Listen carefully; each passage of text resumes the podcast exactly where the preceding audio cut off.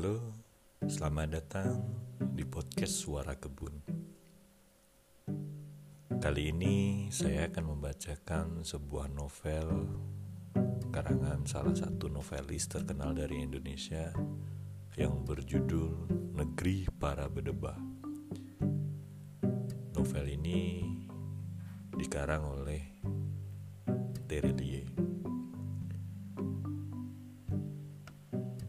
Novel terdiri dari 48 episode atau chapter. Saya akan mencoba membacakan episode per episode untuk kalian semua. Semoga suaraku, suara kebun, bisa menghibur pendengar sekalian dan selamat mendengarkan. Salam kebun.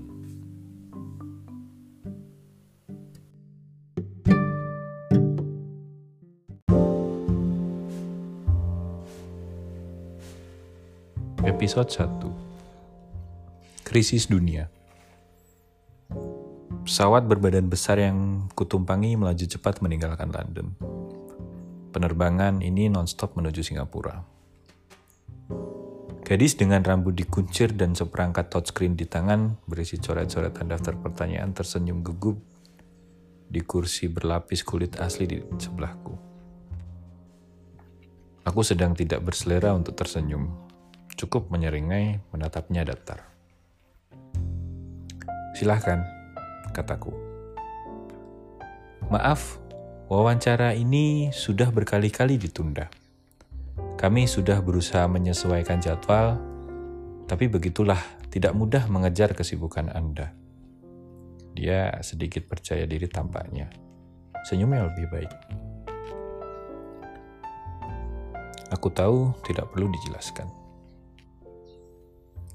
Janji pertama bertemu di Jakarta kemarin pagi batal karena aku sudah berangkat menghadiri konferensi. Editor senior majalah mingguan itu spesial meneleponku. Minta maaf, bilang wawancara ini amat penting. Waktunya mendesak. Pembaca setia mereka ingin tahu bagaimana cara terbaik menyikapi turbulensi ekonomi dunia saat ini. Apa pun akan mereka lakukan untuk mendapatkan materi wawancara, termasuk menyusulku ke London. Baiklah, aku memberikan waktu satu jam selepas konferensi. Lagi-lagi, wartawan mereka datang terlambat di gedung konferensi, dan aku sudah menumpang taksi bergegas menuju bandara. Editor itu kembali terburu-buru dan telepon. Bilang mereka sudah berusaha mengirimkan wartawan terbaik mengejarku ke Eropa. Tetapi jadwalku terlalu padat untuk diikuti. Sambil tertawa, dia bergurau. Hm, kau tahu Tom, bahkan jadwalmu lebih padat dibandingkan jadwal presiden. Demi sopan santun, aku ikut tertawa. Lantas berkata pendek, kita lakukan saja sekarang di atas langit atau lupakan sama sekali. Seperti yang mungkin sudah disebutkan dalam email, ini akan menjadi judul di halaman depan. Gadis dengan blus putih dan rok hitam konservatif selutut itu masih melanjutkan dengan kalimat pembukanya. Anda tahu, terus terang saya sedikit gugup. Bukan untuk wawancaranya, tetapi karena saya begitu antusias. Ya Tuhan, saya baru pertama kali menumpang pesawat besar. Ini mengagumkan, lebih besar dibandingkan foto rilis pertamanya. Hmm, berapa ukurannya? Atau paling besar di dunia? Hmm, tiga kali pesawat biasa. Dan saya menumpang di kelas eksekutif. Teman-teman wartawan pasti iri kalau tahu redaksi kami menghabiskan banyak uang untuk membelikan selembar tiket agar satu pesawat dengan Anda. Aku mengangguk. Lebih asik mengamati penampilan dalam tanda petik wartawan terbaik di sebelahku. Aku bergumam, semoga isi kepalanya secantik penampilannya. Gadis itu lebih cocok menjadi pembawa cara di layar televisi dibandingkan kulit tinta. Bergenitria dengan dandanan dan kalimat, padahal kosong. Apa tadi kualifikasinya? Hmm, lulusan terbaik sekolah bisnis? Ada ribuan orang yang memiliki predikat itu. Aku bahkan punya dua. Sejak kapan kau menjadi wartawan? Senyum riang gadis itu terlipat, meski ekspresi wajah terbaiknya tetap menggantung. Hmm, saya? Ya, sejak kapan kau jadi wartawan? Du dua tahun. Dia menjawab ragu-ragu. Berapa usiamu sekarang? Hmm? Uh, usia? Uh, 25. Ada berapa wartawan di kantormu? Eh? Ya, anggap saja aku yang mewawancaraimu. Aku menatapnya tipis, mengabaikan pramugari yang penuh sopan santun berlalu lalang menawarkan kaviar serta anggur terbaik. Hampir 30. Hmm. Menarik. Aku menjadikan telunjuk. Dari 30 wartawan di kantor review ekonomi mingguan yang mengklaim terbesar di Asia Tenggara, pemimpin redaksi kalian ternyata memutuskan mengirimkan juniornya yang berusia 25 dan baru bekerja 2 tahun. Uh, melakukan wawancara yang katanya paling penting, topik paling aktual yang judulnya akan diletakkan di halaman depan edisi Breaking News. Amat menarik bukan? Wajah gadis itu memerah.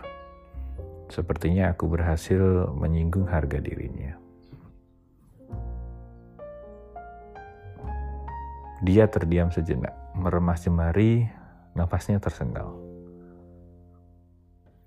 Boleh jadi kalau tidak sedang di pesawat, dia sudah bergegas meninggalkanku, melupakan wawancara sialan ini. Hmm, boleh jadi pula kalau aku bukan narasumbernya, atau bukan siapa-siapa, aku pasti sudah dilemparnya dengan iPad atau sepatu. Sepertinya dia belum pernah dipermalukan seperti ini. Aku mengembangkan senyum, santai melambaikan tangan. Tentu saja aku bergurau. Kau pastilah yang terbaik. Lagi pula, aku hanya ingin membuktikan apakah dugaanku saat bertemu di pesawat ini benar. Ternyata kau memang jauh lebih cantik saat marah. Uh, namamu Julia bukan? Mari kita mulai wawancaranya. Aku tidak terlalu suka berbicara di depan ratusan orang yang satu pun tidak ku kenal. Berada di tengah pakar, akademisi, penerima hadiah Nobel Ekonomi, birokrat, atau apalah yang mentereng menyebut latar belakang masing-masing. Mulai dari kartu nama hingga basa-basi moderator memperkenalkan sebenarnya membuatku muak. Ruangan dipenuhi praktisi keuangan dunia. Pialang, petinggi sekuritas, direktur perusahaan raksasa, CFO, CEO, dan berbagai strata manajerial kunci mereka sejatinya adalah serigala berbaru jas. Dasi mahal, sepatu mengkilat, tidak tersentuh debu. Dan diantar dengan mobil mewah yang harganya ratusan kali gaji karyawan hierarki terendah mereka. Penuh semangat berbicara tentang regulasi tata kelola yang baik, tetapi mereka sendiri tidak mau diatur dan dikendalikan sepakat tentang penyelamatan dan perbantuan global, tetapi mereka sibuk mengais keuntungan di tengah situasi kacau balau. Hanya satu alasan kenapa aku menghadiri konferensi ini. Meluangkan satu jam menjadi pembicara. Itu bayarannya mahal. Alasan yang paling masuk akal bagi seluruh umat manusia. Si om teroris ini, eh, uh, maaf, saya bosan menyebutnya dengan krisis ekonomi global, subprime mortgage, atau apalah nama binatang itu. Terlalu panjang dan mual mendengarnya saya. Setiap hari ada di televisi, koran, radio, internet, bahkan sopir taksi tidak ketinggalan. Saya menyebutnya dengan om teroris saja. Ada yang keberatan? Aku memulai sesi pagi dengan santai, bertopang dagu. Peserta konferensi antar bangsa tertawa. Ya, ya, saya tahu di pojokan sana keberatan. Aku pura-pura memajang wajah serius. Tetapi di dunia yang dengan sistem ekonomi saling bertaut, tak ada batas pasar modal dan pasar uang. Krisis seperti ini lebih menakutkan dibanding teror dari ekstrem kanan atau ekstrem kiri. Kita tidak pernah melihat indeks saham terjun bebas seperti hari ini ketika dulu menara WTC dihancurkan, bukan? Bahkan indeks tidak berkedut ketika kapal selam nuklir Soviet memasuki perairan Amerika di era Perang Dingin. Hari ini semua orang panik. Satu persatu seperti anak kecil menunggu jatah permen. Perusahaan raksasa mendaftar perlindungan kebangkrutan. Dan harga surat berharga menjadi sampah, tidak lebih dari harga selembar kertas folio kosong. Aku ekspresif menjentik selembar kertas, membiarkannya jatuh di atas meja. Orang-orang kehilangan dana pensiun dan jaminan kesehatan tabungan puluhan tahun, dan rencana pendidikan. Kita amat tahu, untuk orang-orang seperti kita, inilah teror sebenarnya. Rasa cemas atas masa depan. Detak jantung mengeras setiap kali melihat tukikan grafik harga. Potensi kehilangan kekayaan, tidak bisa tidur, bahkan satu dua eksekutif puncak memilih untuk bunuh diri peserta konferensi antar bangsa takzim mendengarkan. Aku diam sebentar, meraih geras mineral, senang memperhatikan wajah-wajah menunggu mereka. Huh, sayangnya aku meremas rambut, menghela nafas. Om teroris yang satu ini tidak bisa ditusuk dengan pisau. Presiden kalian, maksud saya presiden di meja pojok sana, bisa dengan mudah mengirimkan ribuan tentara, pesawat tempur, tank, bahkan kapal induk untuk memburu satu orang teroris. Khotbah tentang preventive strike memberikan rasa aman bagi segenap rakyat, mencegah teror meluas. Sial, om teroris yang satu ini bahkan tidak bisa dipegang batang lehernya. Bukan karena dia tidak bisa dilihat Tentu saja, muasal kekacauan pasar modal dan pasar uang kita amat terlihat. Tidak susah mengurai benang kusutnya. Kita tidak bisa menusuknya karena kalau itu dilakukan, kita semua di sinilah yang pertama kali tertikam. Kitalah yang terlalu serakah dan kreatif menciptakan pola transaksi keuangan membiarkan bahkan membuat nilai aset menggelembung tidak terkendali, mengabaikan resiko sebesar gunung Everest di depan hidung. Peduli setan, sepanjang bonus tahunan terus membumbung dan semua fasilitas pesawat jet perusahaan, hotel terbaik, liburan berkelas tetap ada. Temuan audit pun dibungkus sebaik mungkin. Peringatan awal dianggap angin lalu mulailah kita terbiasa mematut informasi, memabrikkan kemasan, melupakan bahwa itu semua ada batasnya. Ketika nilai surat berharga semakin lama semakin menggelembung, harga selembar kertas bisa setara berkilo-kilo emas. Padahal sejatinya dia tetap selembar kertas. Boom. Aku mengetuk mikrofon dengan jari, membuat hadirin sedikit tersentak kaget. Semua meledak. Ekonomi dunia remuk, krisis ekonomi global pecah, dan sekejap menjalar ke mana-mana. Bursa New York tumbang, memangkas kapitalisasi dunia miliaran dolar disusul London, Frankfurt, Amsterdam, Paris. Dan hanya butuh sedetik berita mengerikan itu tiba di Bangkok, Singapura, Jakarta, Dubai, Sao Paulo, Sydney, bahkan Johannesburg. Semua orang panik. Kontrak future harga minyak dan komoditas turun Perdagangan dunia terkulai, perekonomian melambat, banyak negara menyatakan resesi. Bahkan ada yang bergegas menyatakan bangkrut meminta pertolongan. Hari ini kita sibuk berdiskusi sana-sini, menganalisis, berandai-andai.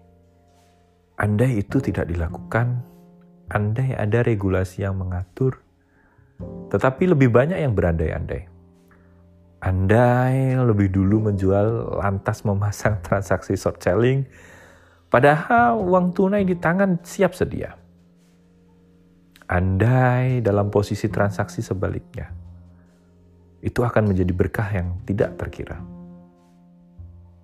Berpesta pora di tengah kerugian massal. Tuan, maaf saya menyela Seorang peserta konferensi berkata tidak sabaran dengan bahasa Inggris sengau khas Asia Timur, membuat seisi ruangan menoleh kepadanya. E, sesi tanya jawab tersedia di 15 menit terakhir. Bergegas moderator salah seorang profesor sekolah bisnis ternama mengingatkan. E, tidak apa, silahkan. Aku tidak berkeberatan mengangguk Eh, moderator itu menatapku. Terima kasih. Peserta itu berdeham. Dasinya miring, rambutnya tidak rapi, pasti sedang pusing dengan banyak hal. Saya pikir kami tidak akan menghabiskan waktu untuk mendengar lagi cerita seperti sesi akademis dan birokrat sehari penuh sebelumnya. Jauh-jauh kami datang hanya untuk mendengar teori-teori. Kami lelah. Kami butuh keputusan cepat dan tepat. Tuan, Anda dipuji banyak media sebagai salah satu penasihat keuangan terbaik. Begini sajalah, sejak krisis ini terjadi, uh, frankly speaking, perusahaan kami sudah di limbung kanan kiri melaporkan kerugian yang menghabiskan saldo laba 20 tahun, posisi kas negatif, dan klaim pembayaran nasabah hanya menunggu waktu. Apa yang harus kami lakukan? Atau tepatnya, apa yang eksekutif puncak perusahaan bernasib sama seperti kami harus lakukan? Menunggu vonis kematian? Gumam setuju terdengar dari banyak meja. Aku tertawa kecil menyikut moderator di sebelah. nah, akhirnya bisa dimengerti kenapa aku dibayar mahal sekali untuk menjadi pembicara dalam konferensi ini. Kalian ternyata meminta nasihat keuangan secara gratis. Eh hey John, jangan lupa kau bantu kirimkan tagihan ke seluruh peserta. Peserta konferensi yang terbangsa tertawa. Aku mengusap wajah menunggu ruangan hening kembali, lantas berkata perlahan. Kunci solusinya hanya tiga kata. Rekayasa, rekayasa, dan rekayasa. Itu saja.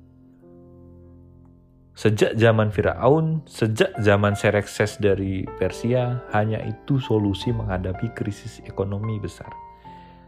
Termasuk bagaimana menyelamatkan uang kalian yang terlanjur terbenam di perusahaan terancam bangkrut.